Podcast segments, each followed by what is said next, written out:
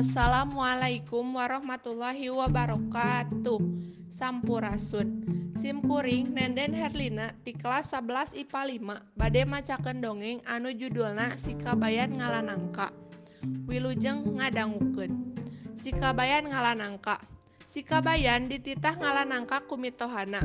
Nukolot Ngalanangka teh Kabayan jeung mitohana. Kenceling Sikabayan ka kebon nyoren bedogrek Ngalanangka. barang nepi ka kebon si kabayan alak ilik kana tangkal nangka manggih nuges kolot hiji tur gede pisan. Tuluy wae dialak barang dipanggul kacida beratna. Wah mua kaduga yeuh mawana pikir si kabayan teh. Tuluy we nangka teh ku si kabayan dipalidkeun ka walungan. Jung wae balik ti heula dages kolot ieu Ceuk si kabayan teh nyarita kanangka barang tapi ka imah si kabayan ditanya ku mitohana.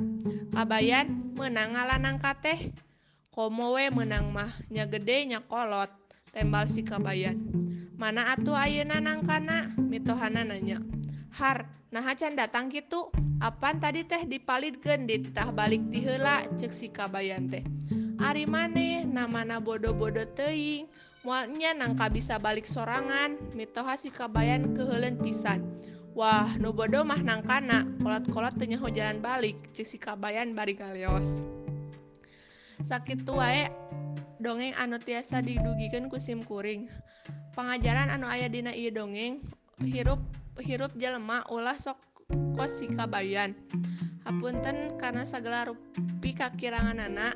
Wassalamualaikum warahmatullahi wabarakatuh.